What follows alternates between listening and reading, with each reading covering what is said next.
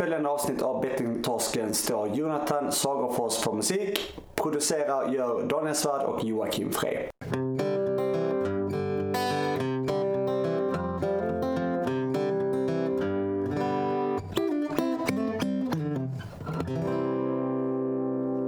Tjena mannen. Tjena mannen. Ja, då är Solsidan igång. Tjenare mannen. Mm.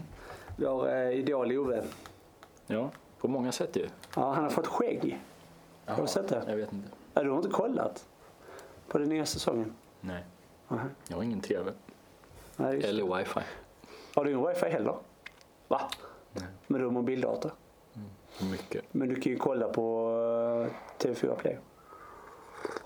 Mm. Det är jättekorta avsnitt, jag fattar inte vad de håller på med. Men, ja. Men ehm, vi är igång i alla fall.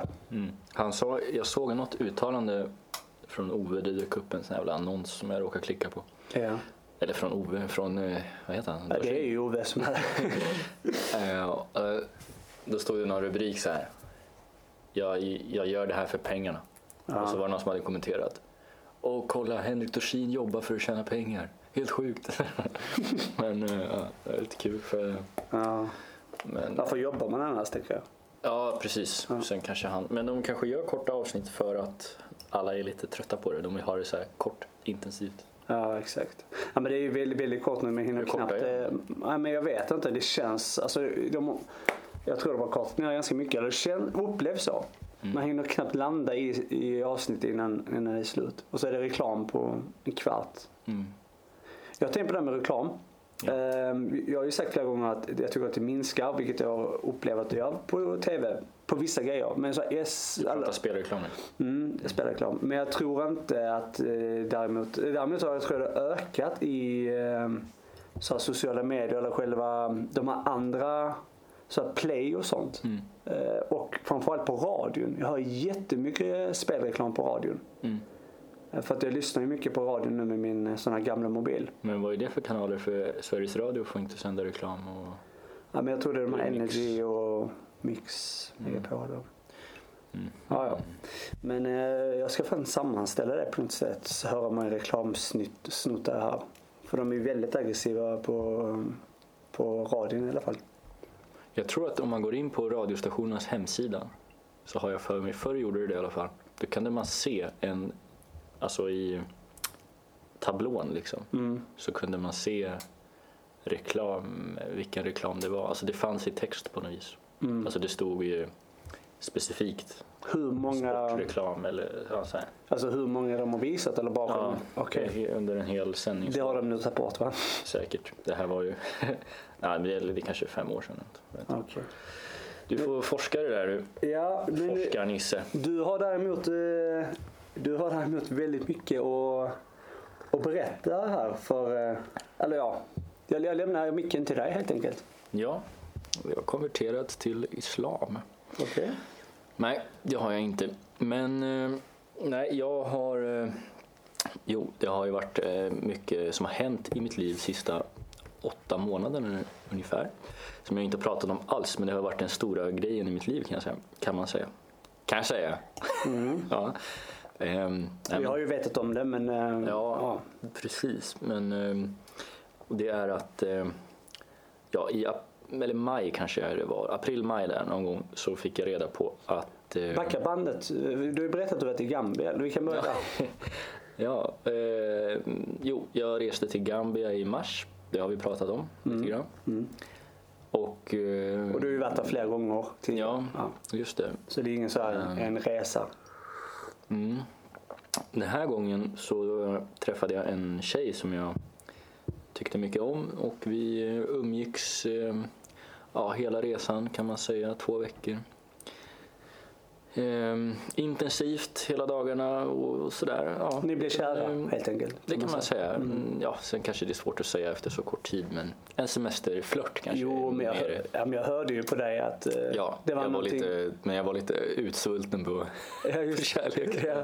Nej men vi, vi pratade ju i telefon. Nej men det ska, jag, det ska jag erkänna. Jag, gillade verkligen henne mycket och det, det var väldigt härligt. Är det så att det var något, det var något speciellt där? Ja, ja men det, så kändes det. Mm. Och ehm, och det var ju, ja, men i alla fall. Sen åkte jag hem efter två veckor och vi sa hej då vi pratade om vi ska ses igen och vi håller kontakten och så här. Så höll vi kontakten ett tag, några veckor.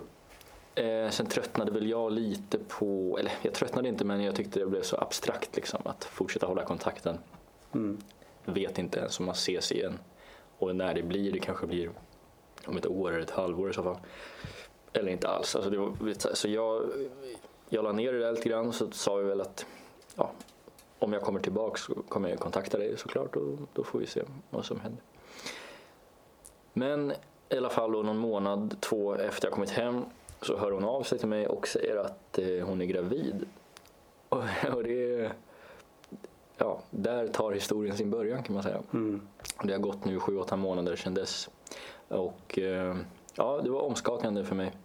För att eh, ja, det var inget jag önskade. Inte hon heller tror jag. Eh, det blev väldigt jobbigt eftersom att med tanke på avståndet också. Mm. Med tanke på Gambia är ett jättebra land på jättemånga sätt men vad det gäller struktur eh, Alltså om man tänker i Sverige har vi föräldradagar, barnbidrag och gratis Ja, vård. Och, ja, Inget av det existerar där. Det finns vård men, men det är en kostnadsfråga alltid. Ehm, Och, ehm, så att mycket stökigt. Vi ville göra en abort båda två till att börja med. Så det var det vi... som För det var förbjudet där va? Eller att man, Ja, det var förbjudet i Gambia. Ja. Ehm, Så att hon fick resa till Ghana eh, för att ta tag i det. Eh, Det gick inte att göra en abort eh, eftersom att eh, enligt henne och läkarna så var det hon var inte tillräckligt eh, stark eller sådär för att göra det. Hon hade något fel på komplikationerna. blodet och det var, ja, det är skittråkiga detaljer men det gick i alla fall inte att göra det. Så tillbaks till Gambia och vi har hållit kontakten hela tiden. Jag har gjort eh, allt jag kan för att liksom, eh, stötta henne i det här och, och finnas till hands. Och, och jag har tagit det på allvar verkligen. Och, eh, Det har varit mycket känslor så kan man säga. Alltså Ja. från det att, att, först inte man önskade till känslor. att sedan acceptera situationen liksom. Ja, Det är ju därför också det har varit som att, det har du inte märkt i podden så mycket men du har ju mm. varit väldigt tagen av det här under, Mm. ja, under väldigt lång tid. Ja, och just den här resan från att jag fick höra det här först så det var ju bara panik egentligen. Mycket ångest, mycket, jag, jag är väldigt ledsen och det var väldigt mycket. Och sen eh, tiden, har, tiden går ju och man måste acceptera det som är. Jag tänker att eh, ja, hon var gravid, jag fick bilder på magen, den växte. Eh, den här förlossningen kommer ske. Först fick jag höra också att det var tvillingar så att det ytterligare blev det ju en, liksom en extra huvudvärk kan man säga. Ehm, ja, och eh, tiden gick som sagt. Jag bestämde mig någonstans under resans gång för att eh, acceptera situationen, Mm. leva med det och eh, ta mitt ansvar och så vidare. Eh, och därifrån har jag också då gått vidare till att eh, känna mycket kärlek, alltså för båda två, eller alla tre då, den här tjejen och barnen som ska komma. Och jag har varit ganska glad på slutet och berättat för alla och liksom Ja, vänner, ja. släktingar, allt liksom. Och, och till och med släktingar som jag inte pratar med speciellt mycket men jag, jag har ändå velat berätta. Det, det, det känns lite konstigt att höra av sig. Och nu har jag ett barn, liksom, föddes igår, utan man vill att det ska vara lite heads up. Mm. Eller jag ville det. Ehm, och det har varit en, eh, ja, en resa helt enkelt. Ehm, och nu åkte jag ner. Nu fick jag den eh, 9 oktober fick jag ett meddelande från den här tjejens mamman till barnet. Det blev bara ett barn till slut. Det andra klar, överlevde inte förlossningen.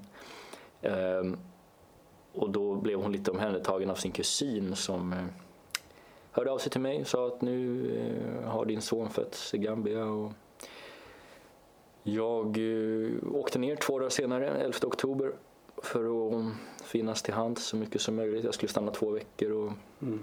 komma ner med lite förnödenheter och stöd. Liksom. Och det var ju en otrolig resa för att jag var så... eh, Jag var stressad också men jag var väldigt liksom... eh, Jag var väldigt glad faktiskt på vägen ner. Alltså Mm. väldigt upprymd av positiva känslor. Träffa mitt barn och det var ju väldigt stort. Så kommer jag ner och eh, hela resan blir egentligen en mardröm på alla sätt och vis. Och jag ska inte gå in så mycket detaljer där för det är också ointressant men, men det blev väldigt, en väldigt dålig upplevelse. Mycket konflikter, mycket konstiga saker som hände. Så du åkte hem tidigare? Ja, jag ville åka hem efter åtta dagar tror jag, sju, åtta dagar. Ehm, och då har jag med mig ett, ehm, ett eh, jag kan säga en sak förresten, när jag är där nere då är det ganska mycket som pekar på att det här barnet är äldre än Mm. vad som jag har fått höra. Ehm, Min kära mamma är ju, eh, som också varit en jättestor hjälp genom hela resan. Hon jobbar som barnmorska och hon eh, ja, genom att titta på filmer, eh, videos och bilder och sånt så har eh, ja, konstaterat att eh, barnet förmodligen var äldre. Så redan där var det liksom en lite, det luktade lite illa kan man säga, hela grejen. Men det var inte så, det kändes ju inte som att det var så mycket heller. Alltså, det handlade om kanske någon vecka hit och. Ja, max ett par veckor kanske. Eh, så att, nej, det var inte så ett halvår eller någonting. Men, men ändå. Eh, och eh, jag valde att åka hem. Jag gjorde ett DNA-test på den här pojken. Ja, för du hade i bakhuvudet att det kan finnas en risk ju, alltså att det inte är ditt. Ja, men exakt. Det, det är klart. Samtidigt så var det väldigt mycket under den här... Den här resan varit sjukt stökig, men det har ändå varit väldigt mycket som pekar på att det är mitt barn. Mm. Det, har man, det har varit väldigt logiskt att tro det om man ska, man ska betta. Nej, men om man ska gissa liksom, vad, man tar allt som har hänt, allt som har sagts, tidsperspektiv, allting. Väldigt stor eh, sannolikhet. Och hur att, hon eh, och, mamma till barnet, hur hon då har kommunicerat med dig. Ja, men precis. Ja, exakt. För jag var ju väldigt skeptisk från början när du sa det. Jag blev så här, shit. Men eh, Mm. jag har ju ändå också varit ett stöd för jag hoppas. Ja, verkligen. Ja, absolut. Eh, nej, men jag valde då att enligt instruktioner från ett företag som jobbar med DNA-analys Mm. topsa pojken där nere. Och tog med mig hem. Skickade in eh, den s- 17 november tror jag skickade, eller 18. Nej, eh, oktober menar jag såklart. Eh, nu ligger jag i framtiden Ja, här och det. jobbar lite. Eh, jag hoppas det inte händer igen här. Eh, men jo, eh, och nu idag har jag fått svar på DNA-testet och ja, det blev ju då provsvarstermer negativt. Mm. Jag är alltså inte pappa till det här barnet. Och det här fick jag reda på eh, idag. När det här släpps så är det väl en knapp en halv vecka sedan. Men, Ja, det är några veckor sedan eh, säkert från, från det. Men eh, hur känns det? Vad, vad var din känsla nu när du fick svar? Mm, ehm, med stor besvikelse först för att eh, i mitt huvud så har jag varit eh, förälder i åtta månader. Liksom. Mm. Eh, varav kanske två månader har jag sett fram emot det här mycket. Även om det är stökiga förutsättningar. Ha halva sin, eller sin familj då i vad det nu är, hundratals mil bort. Mm. Det är ju inte optimalt men jag har ändå försökt att tänka att det här kommer bli bra. Vi kommer att förenas på något sätt. I Sverige eller Gambia, vad det nu må bli. Och det känns som att vi har haft en ganska bra dialog, och mamma. Vi, vi kommer lösa det här liksom på, på något sätt. Ehm, så så har det varit och eh, nu, hur känns det? Ja, det känns... eh, Jag är jättebesviken. Jag känner mig eh, förnedrad faktiskt. Mm. Det måste jag säga. Förnedrad att så liksom ja, grundlurad från första början. Alltså jag känner mig ja, jag känner mig fan jag känner mig dum faktiskt. Det är jag, väldigt dum. Men jag tänkte komma till det här, bara Mm. återkoppla till det senare. Men eh, sen är det liksom en eh, känsla av eh, ja, men, det är nog de två som är starkaste. Liksom. Besvikelse, förnedring. Det det är, det är rätt tungt. Liksom. Och sen eh, nu då så behöver jag ställa om mig igen på att jag har inga barn. Liksom. Och, det, och det är fine i, i sig. Liksom. Jag längtar inte efter det jättemycket. Men nu när det var på gång då är det klart man börjar längta. Det är ju så. så att ehm, mm, det är konstigt. Mm. Det är konstigt. Ja, alltså det är ju en, väl, det är en speciell resa. Alltså, um, jag har ju, du har ju varit, sagt det här till mig redan direkt när det hände. Liksom. Mm. Eller man var ju till och med med när ni träffades, alltså på telefon. Alltså vi snackade Ja. när du var Ja, där. precis, det och det var så att man nu varit med hela, och när du berättade om vissa upplevelser så tänkte jag men det här, eh, det- kan ju hända någonting av detta. Mm. Då redan. Och så kommer då beskedet om, så att man trodde men så var man, jag var ju lite så skeptisk, men hur sann, alltså sannolikheten, det, det måste vara ganska låg. Alltså du vet Mm. att det ska träffa så. Det, men saker har ju hänt tidigare liksom. Ehm, Sen tror jag också att när det gäller sånt här barn, alltså du har fått barn nyligen. mm, Eh, Jag tror inte det är alls en slump att du har fått det med den kvinnan du har fått det med. Nej. Ni hör ihop liksom. mm, Och så tänkte jag också lite grann, visst, eh, ja, så här, men det finns ändå något slags ödesbestämt i det. Jag träffar henne av en väldigt stor slump liksom, och eh, det blir barn direkt. Ja. Det betyder någonting. Liksom. Ehm, Men ja, Men jag- som man säger så här, om, man, eh, om du vill höra min mening i det här Ja. svaret så, så, eh, så ska jag säga det, det är ju otroligt stort av dig, alltså väldigt stort. Jag tror det är väldigt, väldigt få människor som vågar acceptera det Mm. när man får sånt besked. Eh, Jag tror många, nej men det är strutshuvud liksom. mm, Det är ner i sanden med huvudet och sen så får säger man väl till personen i fråga att hör av dig om nio månader så får vi göra ett DNA-test men jag kommer inte finnas någonstans innan dess. Alltså man blir livrädd liksom. Och sen så gör man då ett test och som visade då precis nu då att det inte var ditt. Ehm, Jag tror det är väldigt många som hade gjort det. Det är otroligt stort av det och det visar oss på vilken fantastisk människa det är som faktiskt redan där och då tar ansvar, håller kontakt, hjälper henne på alla möjliga sätt som du har kunnat hjälpa henne. Eh, genom både samtal, eh, en del ekonomiskt stöd och så här. Jag tror det är bra. Alltså, jag tror det är väldigt fint. Alltså, det är väldigt stort av dig.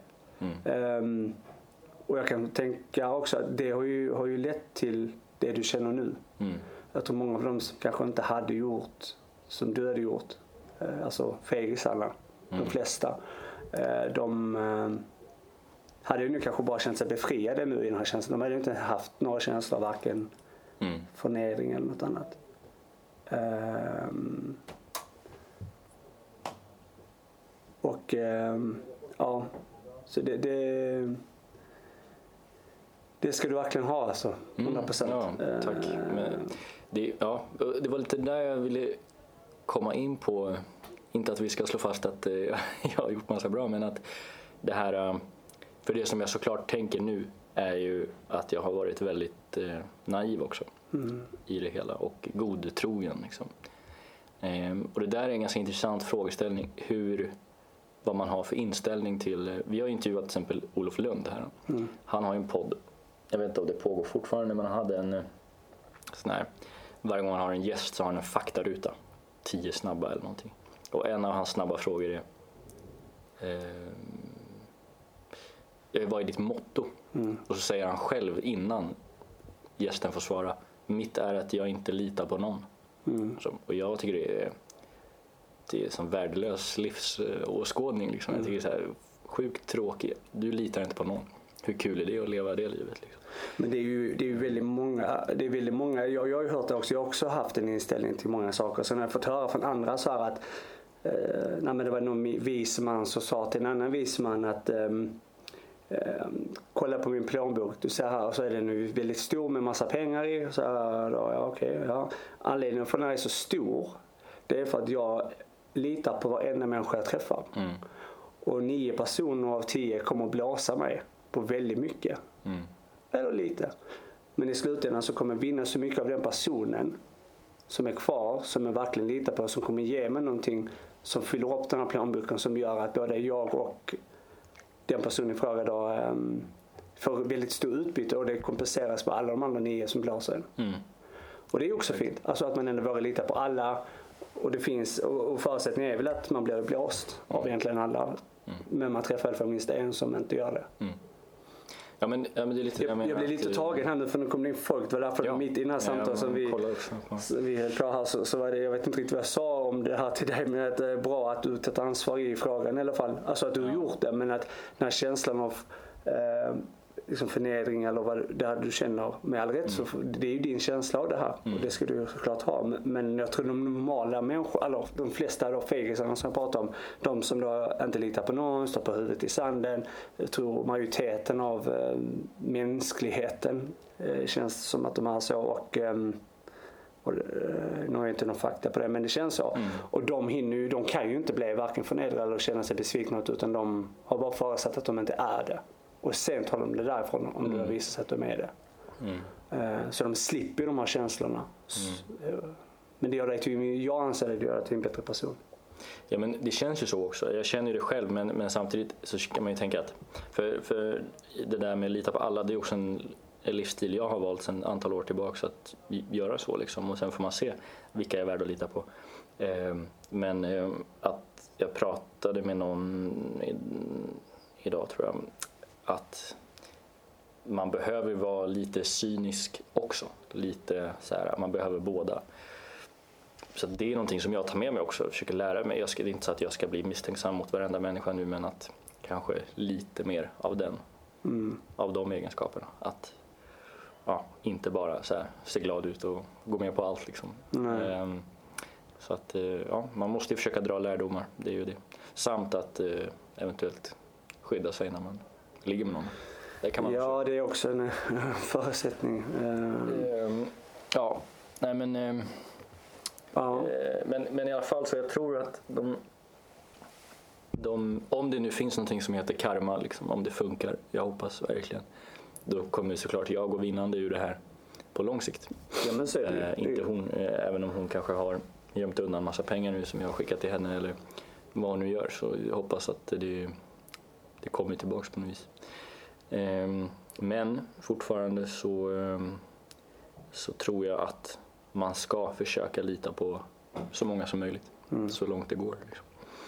Ehm, men mm, det är en stor lärdom verkligen. Livet är ju massa lektioner hela tiden.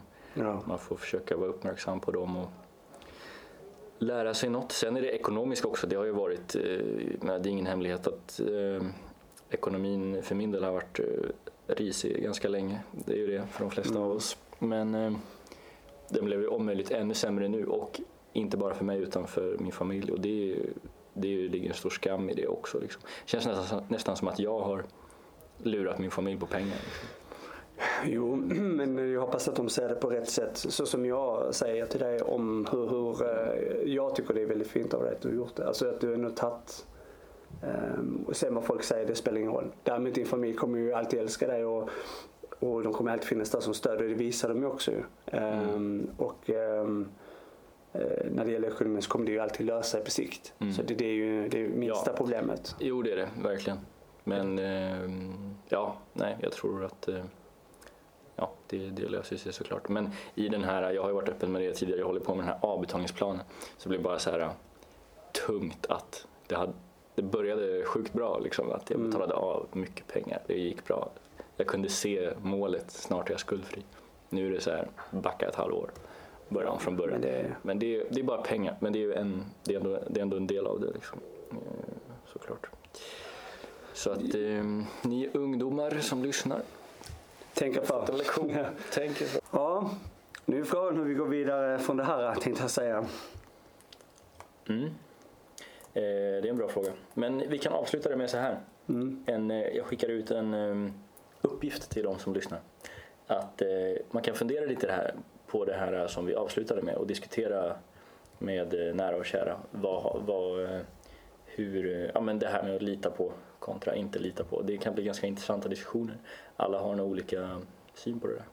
Men jag, exakt, jag tror också det här hur man eh, uppfostras. Jag tror många är så här, man, alltså har man då en, en inställning att inte lita på någon, då är ju också det barnen får med sig. Mm. Men det är också här, man lär sig tidigt till exempelvis att, att man inte ska lita på vissa för, alltså här, följ inte med i bil. Mm. Eller gå inte med några främlingar. Alltså du vet, det är ju en sån här, Precis. det ligger någonting i det där. Mm. Eh, sen frågan hur, man, hur det blir när man är vuxen liksom. Mm. Um, men det är intressant. Det är en bra lärdom. Det var länge sedan någon främling kom och lockade med godis till en. Jag brukar göra det ibland till dig.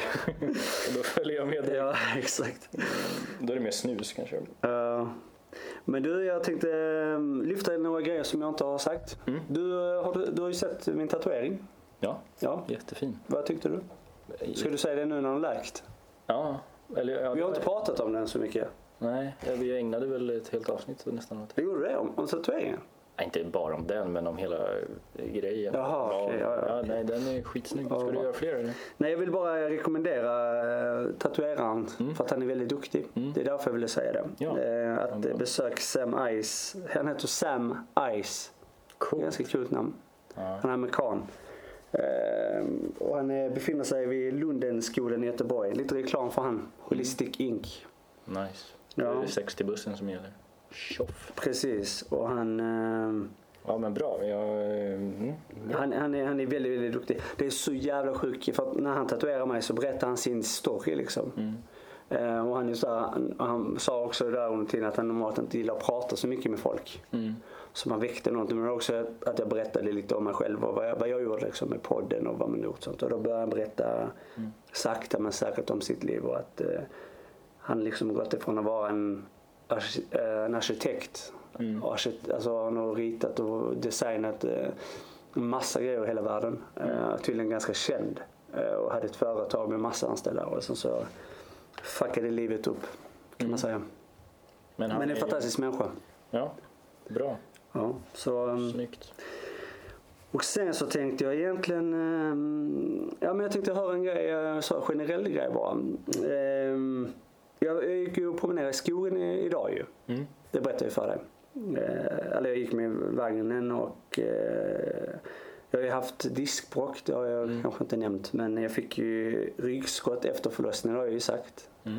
Eh, och sen gick jag, sen den 18 juli har jag ju gått med det ett tag. Det här ryggskottet då, det har känts lite bättre men det har varit lite så stramt och jag har haft lite ont.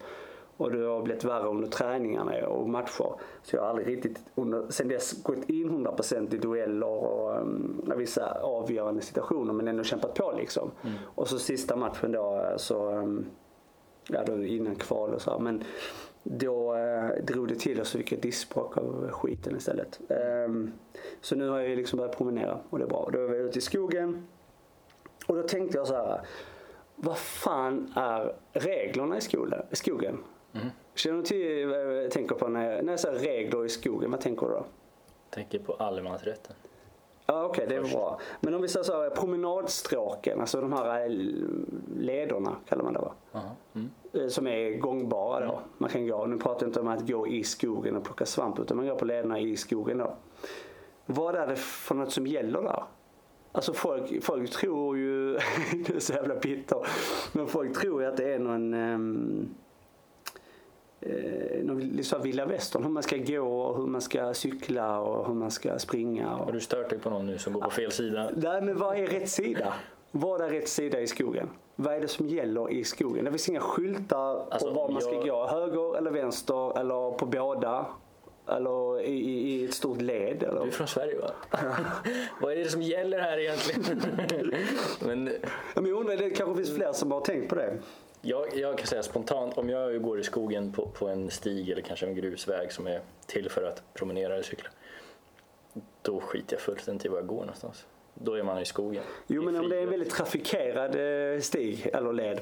Som det är i Skatås. Det är ju trafikerat. Där är cyklister Ja, där är, det är många. pensionärer som springer med rollator. Där är personer som jag med barnvagn. Där är cyklar som cyklar med stora busslast eh, kopplade på cykeln.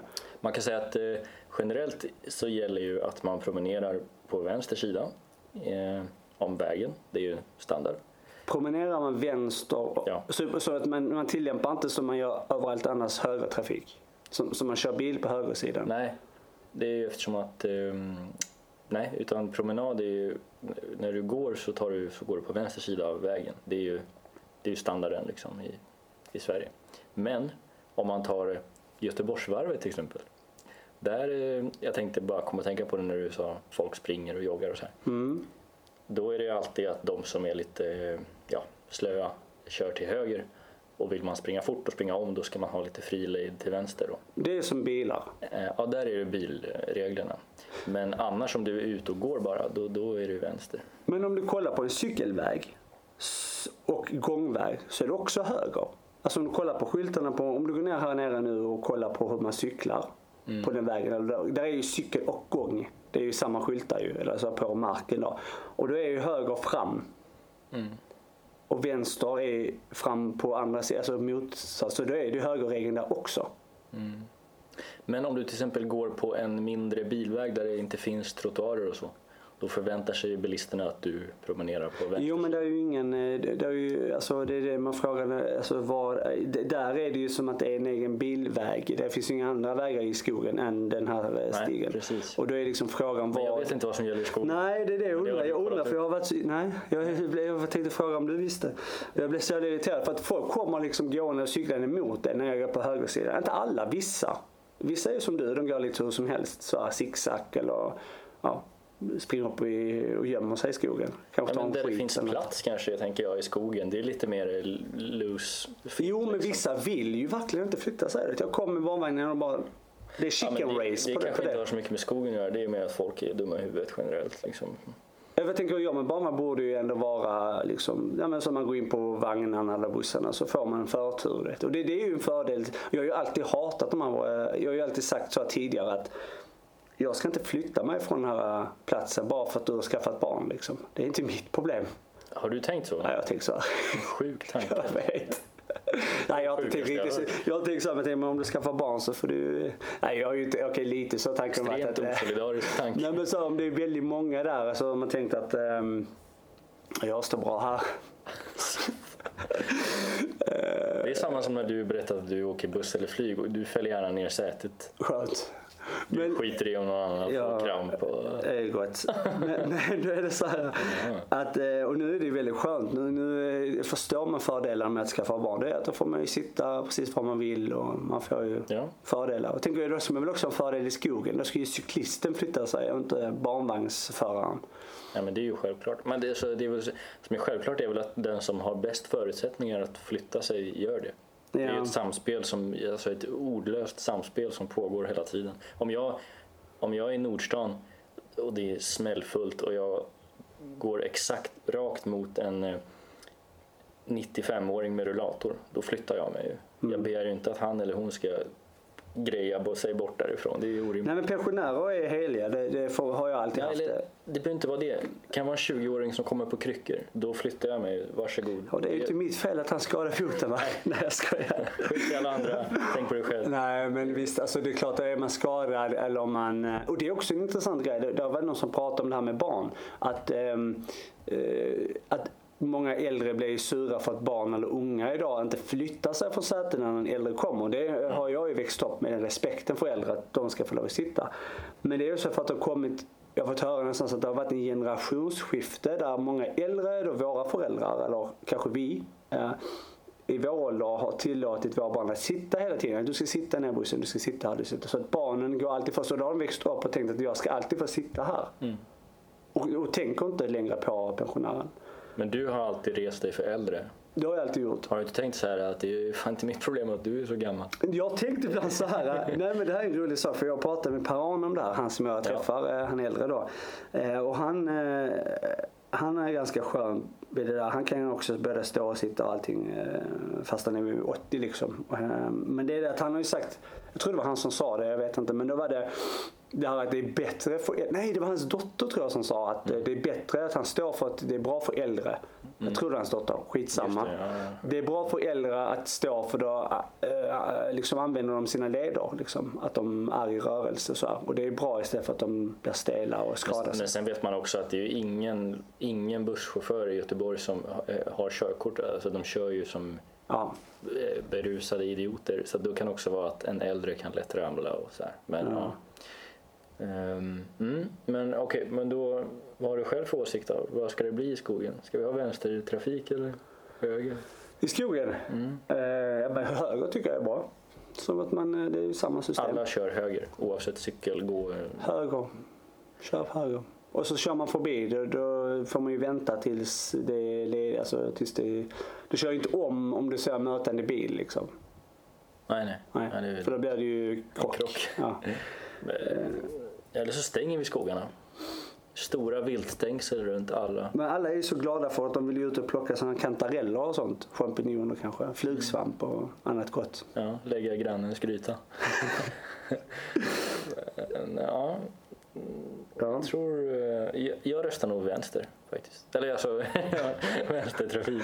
Okej. Ja, Ja. jag är inte främmande för att rösta vänster heller i politiken. Men skogen, Nej, du var ju mycket inne på det här med eh, fri kollektiv. Det, är, det kommunistiska partiet i Göteborg vill ju ha fri kollektiv. Vill de det? Ja, det är ju något. Ja, det, men det tycker jag väl är självklart. Vadå? Det är klart jag ska betala för det. Men du var ju orolig. Du skickade ju en länk till mig där om Nu att, är det eh, att de ska införa som Malmö och Stockholm. Eller det är på tal om att de ska införa samma system. Så att eh, man, eh, det kanske vi är den första som droppar det här. Man får bara stiga på längst fram. Exakt. Fruktansvärt bakslag för min ekonomi. Och eh, för eh, trafiken i Göteborg. Bland Som om det inte vore nog. Liksom. De bygger och spränger upp hela stan och det ska, det, ska inte gå att ta sig fram på tio år och sen ska vi också gå på en och en i spårvagnarna. Mm. Det kommer ta två timmar. Skitbra idé. Det kommer ta två timmar att köpa mjölk. Ja, och det blir bara dyrare och dyrare också. Ja, De höjde vad fan, är vi, vad fan är det här? 775 spänn. Samhällsförfall alltså. Är det ens, ska man ens bo här längre? Och det värsta är att det blir bara smutsigare vagnar. Varje gång man ska sätta sig någonstans så är det antingen tuggummi på sätet eller så är det fan bajs. Alltså. Det är någon som har bajsat på sig och går runt och sätter sig på vagnarna i Göteborg. Så jävla äckligt. Tar de av sig byxorna då tror du sen sätter sig? Eller? Nej, alltså det har ju gått igenom. Oj, Så det, det är ju... Ja, det är inte det bra. inte bra. Du, jag tänkte, vad, vad, världens tuffaste jobb? Mm. Vad skulle du säga det är? Kan du definiera tuffaste? Ja men bara så här, världens eh, tuffaste jobb. Alltså något som måste vara jävla jobbigt. Både kanske fysiskt men också mentalt. Mm. Spännande fråga. Ja. Där, jag ska klura lite. Du kan ju sjunga så länge. ja. Ehm, Jag tar en snus så länge. är det? Nu ska vi se. Tuffast. Världens tuffaste jobb. Skulle du säga?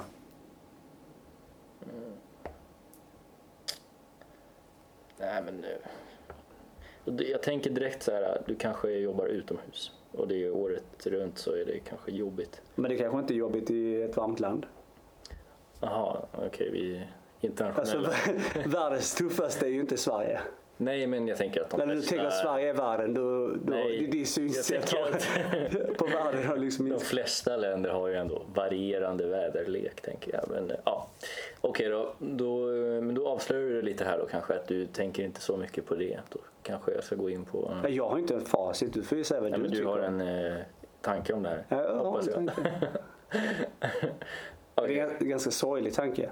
Jag säger att det är eh, behandla... Jag säger, eh, säg att du är barnläkare då, och du jobbar med barncancer till exempel.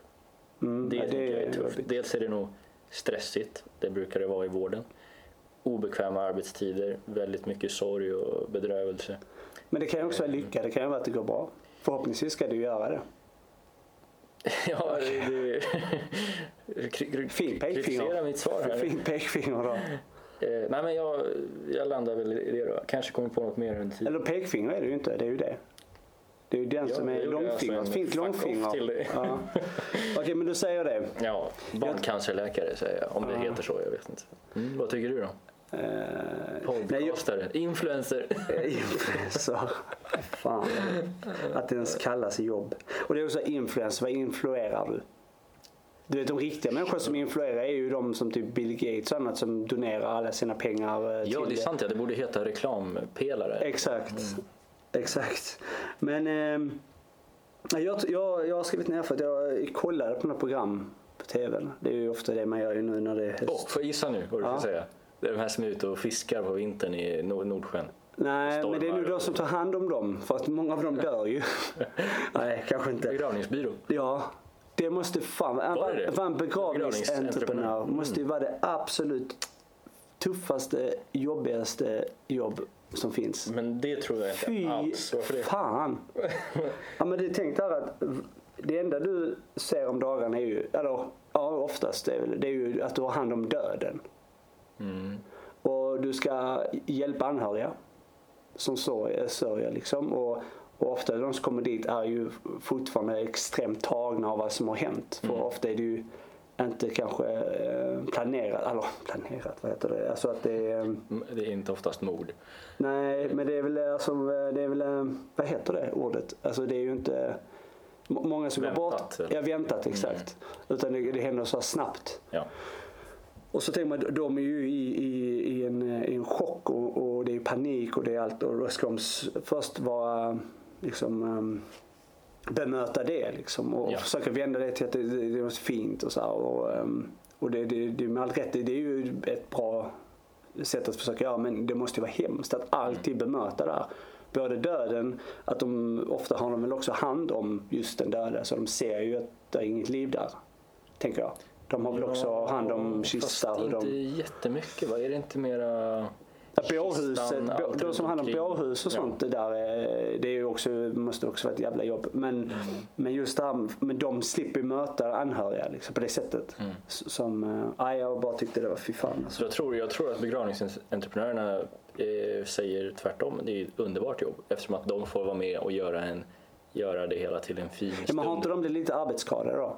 Alltså om man ändå ser det utifrån. Eh, Det som är konstigt från början är ju att bli begravningsentreprenör. Ja, det, det, det måste vara något konstigt i det det, är något fel. alltså. Men, eh, men, då, men sen efter något år så tror jag att de tänker att om du skulle fråga idag om vi hade en med oss då tror jag den skulle säga att nej men det är fantastiskt liksom. man får den här fin stund, sista vilan och jag får vara med och hjälpa dem och guida och jag, jag tror de säger typ sådär. Men, eh, Men tror du att det är lätt att säga det till en person? Alltså att man ska få...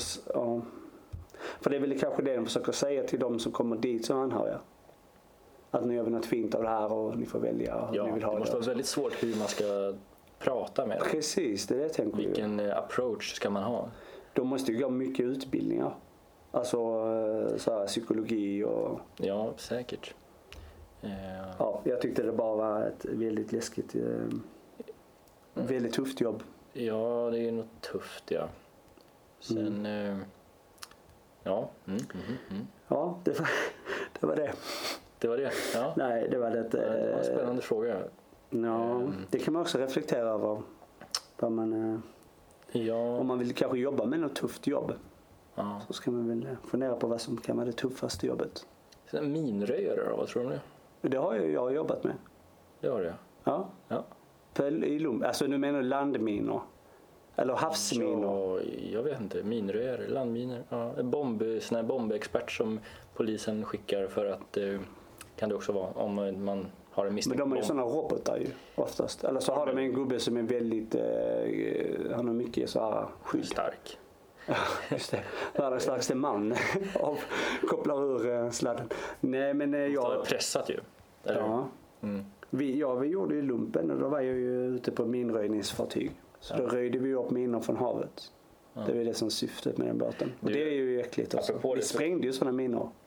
Jaha, som en övning. Ja. Ja. Var det läskigt? ja. Det var så en kilometer runt området så var- låg det fiskar överallt. För man tydligen spränger man bort deras eh, sån, eh, någon sån sensor som gör att de reglerar var i vattnet de finns eller befinner sig. Jaha. Så att det är ju ganska taskigt. schysst. Ja. Jag menar, apropå det så såg jag idag på vagnen eh, när jag gratis åkte, som man fortfarande kan göra, så såg jag en, eh, en annons från Försvarsmakten. Mm. Jag blir så jävla irriterad varje gång jag gör det. Mhm. Ja, så är det. Okej. Du tycker att vi ska inte ha någon... eh, Nej, men det är något som är, oavsett vad man tycker om vi ska ha det eller inte, så är det något som är så här unket över hela grejen. Och så ska de alltid göra så här. Det är macho menar du? Vi, dels är det macho, det är vi som försvarar dig och nu, idag stod det så här, framtiden är din att leva och vår att försvara. Det kommer nya hot, vi ska... Men alltså det är bara så här, gå och lägg er, fan skaffa ett liv. Alltså, det, det är så här, vad ska... nu, Det är tråkigt att prata om kanske för det har pratat om tusen gånger men vad ska vi göra om det är någon som vill bråka med oss? Vi kan ju inte försvara oss mot någon, kanske Norge. Eller så här, det vet tror jag inte heller. För de, Tror inte Löfven springer dit och... Löfven har inte ens, han, han klarar inte ens hela svetsutbildningen. Han ska inte försvara oss. Men du vet, det hela så här. Och sen också att man ska locka in folk i ett yrke som är, apropå hårda yrken, skittufft, eh, livsfarligt, eh, borta mycket från familj för att försvara vårt land. Men det, men det är ju ofta, alltså det, det, är ju, det, det är ju lite missvisande för att det mesta som de gör, de som är, jobbar i det, de är ju på internationell, eh, de hjälper till på internationella... Ja, ännu värre. Åka till Afghanistan och försvara USA. Eller vad fan. Ja, eller vad, vad det nu är. NATO kanske. Men eh, ja, jag gjorde ju lumpen. Så Ja. du kan ju fråga mig saker om du vill eh, få höra. Ja, du var väl också i Vietnam va? Krigade? Ja, Ja. eh, Nej, jag tycker eller- bara att det är som galenskap. Tycker du inte det? Alltså, eh, Du är väl ett bevis då? Du har gjort lumpen. Men Ja. Du har inte gjort mycket militärt sen dess. Varför har du inte gjort det? Det är bra betalt ju. jag är ju väldigt militärisk av mig. Jag märker inte det med tid och sånt. Jag är ju väldigt... Eh, Du är ju en mes. jag blir, ju väldigt, jag blir ju extremt arg på dig varje gång du inte kommer i tid. Som har hänt eh, noll gånger. Ja. Massa gånger. Eh, Men du har skärpt dig sen eh, jag visar vem som är chef. Skitsnack. Ska jag stänga av? Men eh, nej men lumpen. Eh, det var ju helvete där. Eh, dels för att jag först egentligen inte ville göra det. Eh, ingen av mina nära eller kära eller de jag kände då vid den tiden när jag var ung hade gjort det heller. Så jag var först. Jag gjorde ju mönstringen där. Man mönstrar ju först och det var precis då när det var obligatoriskt fortfarande innan de året efter så tog de bort det. Och då ehm, så var jag så dum på det sättet att jag ville ju testa om jag var bra på proven. Och jag var ju väldigt duktig på en del grejer. Ehm, Jag var ju väldigt smart bland annat. Var du det då? Jag fick, eh, ja, jag fick eh, på den logiktesten som de gjorde så fick jag ett A eller vad det heter, högsta. Så Ja. det, var ju, det var ju något. Ja. Det är enda gången jag fick beröm för att jag Men var det så sent de tog bort obligatoriskt? För du borde ha gjort 2004, 3, 4. eh, sex, fem gjorde man i mönstret tror jag, sen sex, 2006 gjorde jag lumpen. Man mönstrar när man är 18 va? Det var väl du 2003? Nej, Nej, alltså jag gjorde ju om med skola och sånt också. Jag, jag gick ju om skola, eller jag, ja, skitsamma. Jag, min gymnasietid blev ju förlängd för att jag fick Ja. börja om. där, där var det inte många A på provet. Där var det bara tur om jag ens ville göra ett prov. Nej, men då var det i alla fall så att det hemska med det här var att jag, ehm, jag blev placerad. Mm. Och ehm, I Stockholm va? I Stockholm till och med. Så det var så långt. Och jag, eh, ja, men så här, jag var ju väl lite halvbråkig. Eller så här, jag visste ju inte vem jag själv var kan man säga. Mm. Ja. Eh, Och jag fick ju inga vänner där alls. Mm. Eh, De ville ju göra lumpen. Det var ju sådana riktiga stridspittar som man kan kalla. Eh, Det var ju de här som verkligen ville göra det och de ville vara på båt. Och de ville ju liksom, man fick ju skepparexamen där också. Mm. Det var ju det de ville ha. Jag, ville, jag var den enda som sa att jag inte ville göra det. Så tänkte jag att då kan jag vila istället. Men då fick jag... Skepparexamen fick man inte. Man blev någon matros eller någonting. Nej men alltså man fick som extra, jag tror det hette, nej jo skepparexamen va? Jo det är sån som man kan eh, köra stora båtar. Är det inte det? Jo, men det får man ju inte lumpen. Man fick det, de fick det. Ehm, eller vi fick den möjligheten att göra det för att det var en sån tid där vi inte gjorde någonting. Och då fick eh, man eh, det om man ville. Ehm, och det kostade ganska mycket att göra. Ehm, och eh, jag sa, min, mitt argument var ju att, att jag kommer aldrig ha råd att köpa en stor båt. Så vad ska jag med det till? Men man kan köra... Ja, exakt. Ja. Man kan, men det fattade inte jag då. Eh, Det var inte så att jag tänkte att jag skulle köra massa båtar. Eh, Du ville bara köra därifrån. Ja, jag ville bara vila och, eh, och eh, så det, det var andra argumentet. Att okej, jag tar det lugnt i några veckor. Om man vill vara full och vila för vilken tar man då? Den här... Ja, men, och då fick jag inte det utan då var jag den enda som fick stanna kvar på fartyget och städa. Och det var hemskt. Men det, det som var hemska med det var ju att det var åtta månader av elva.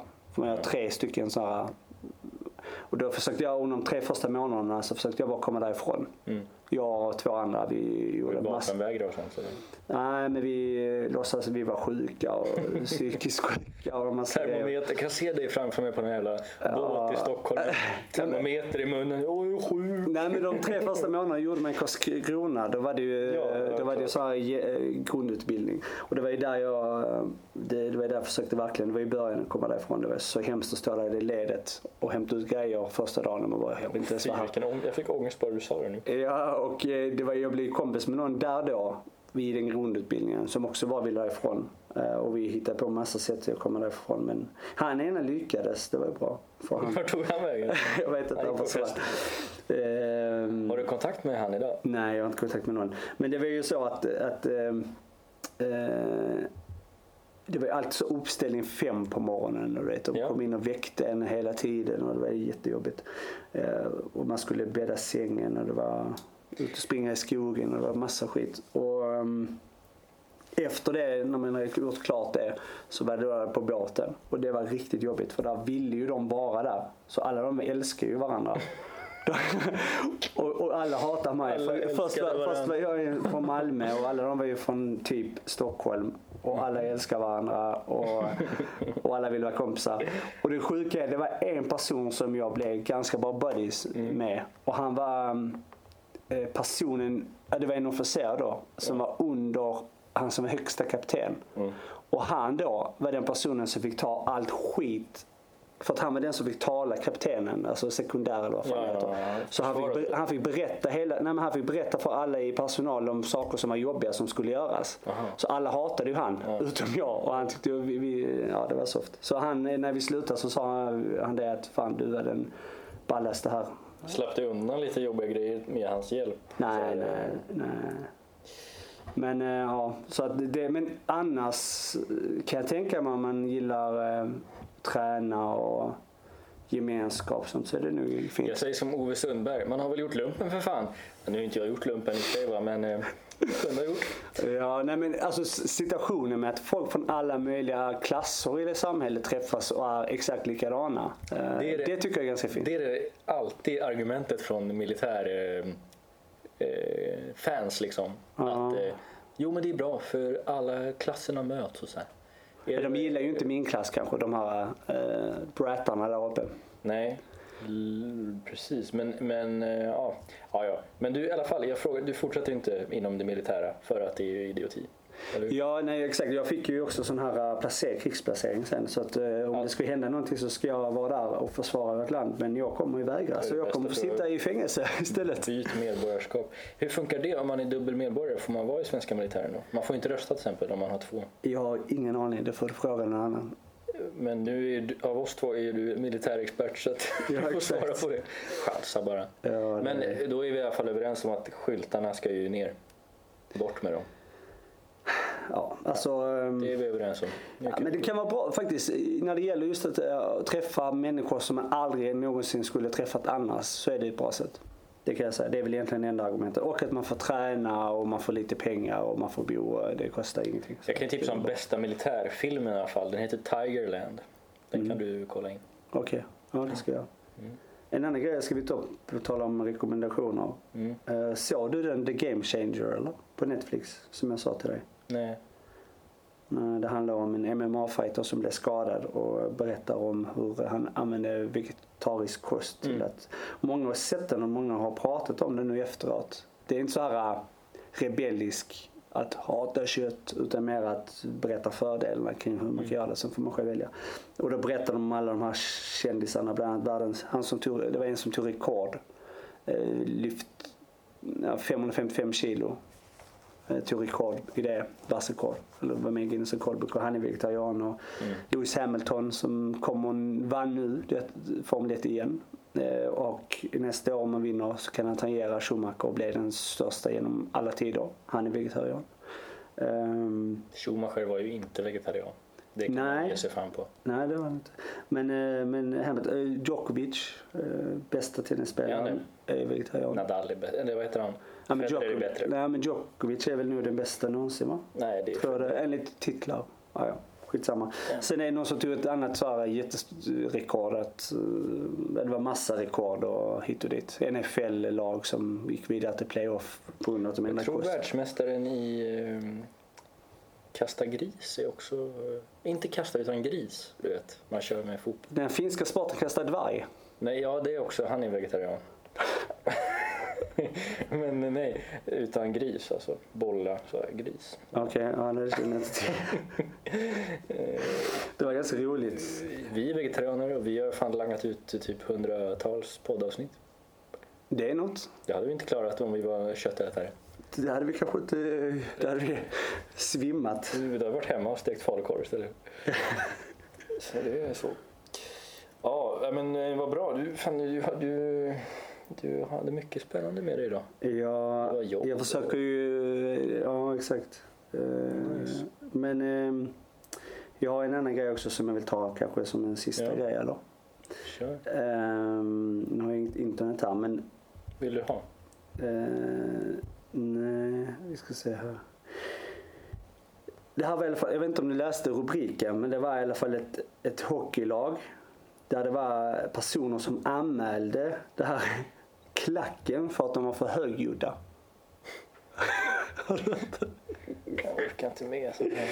Vem anmälde sa Det du? var väl Kallinge-Rönneby tror jag det hette. Någon eh, Hockeyettan. Södra kanske eller vad det är. De, hade, de, har en, eh, de har tydligen en eh, supporter, fans då, som är väldigt engagerade och de, de håller igång helt enkelt. Och det hade väl vissa där i publiken inte gillat så de hade anmält klacken för de var för högljudda. Alltså andra supportrar i hallen. Nej, nej, alltså jag tror det är samma, eh, alltså att de kommer därifrån. De stöttar samma lag och de anmäler sin klack. Kanske, jag vet inte. Jag, fick, eh, jag, jag läste rubriken, lyssnade på Och det här är klacken alltså och det var inte ens hög, högt. Det här är den tredje högsta ligan i Sverige. Ja, Eller hur? Du sa division 1. Det är tredje bäst. Vad heter det? Och eh, de ska fan med vara glada att de ens har en enda människa på sina matcher. Ska ja, inte klaga på klacken. nej. Nej, de, vet du vad de där jävlarna jobbar med? De jobbar på Västtrafik, det vet jag. Höjer priser och jävlas. Det är långt att åka från Rönneby till Ja, men de Göteborg. jobbar hemma. hemifrån. Sitter hemma och, och, och höjer priserna. Ja, Nej. Eh, nej, det är underkänt. det är det. Ja. Du har inget annat som du vill eh, lyfta här? Nej, men eh, det går bra med snusen. Ja. Jag kör Du, kör, på. du fick ju ett eh, väldigt vasst tips av mig. Göteborgs billigaste snusstock. Ja, ja, ja. Det var fint va? Ja, det var bra. Tack. Eh, Du blev ju glad. Annars så vet inte. Jag, jag känner väl att ja, vi hade ju höstlov här på jobbet eh, för, förra veckan va? Tror jag. Mm. Eh, Det var skönt med en liten break. Nu känner jag att eh, det var rätt tungt att tugga igång igen. Men eh, det är snart jul ju. Då får man vara ledig lite till. Det ska bli skönt. Ja. Ja. Eh, ib- Ibland så blir man så här eh, mörk eh, i sinnet på morgonen. när Man känner att, eller jag tänker bara på bussen att jag sitter på väg till jobbet. Eh, så, så tänker jag så här, det här ska jag göra i- idag, imorgon, dagen efter det och eh, resten av mitt liv. Kanske gå upp i ottan och åka till ett jobb. Nu är jag jätteglad för mitt jobb. Jag, jag gillar verkligen det. Så att det är inte det. Men, eh, men ändå. Det är lite...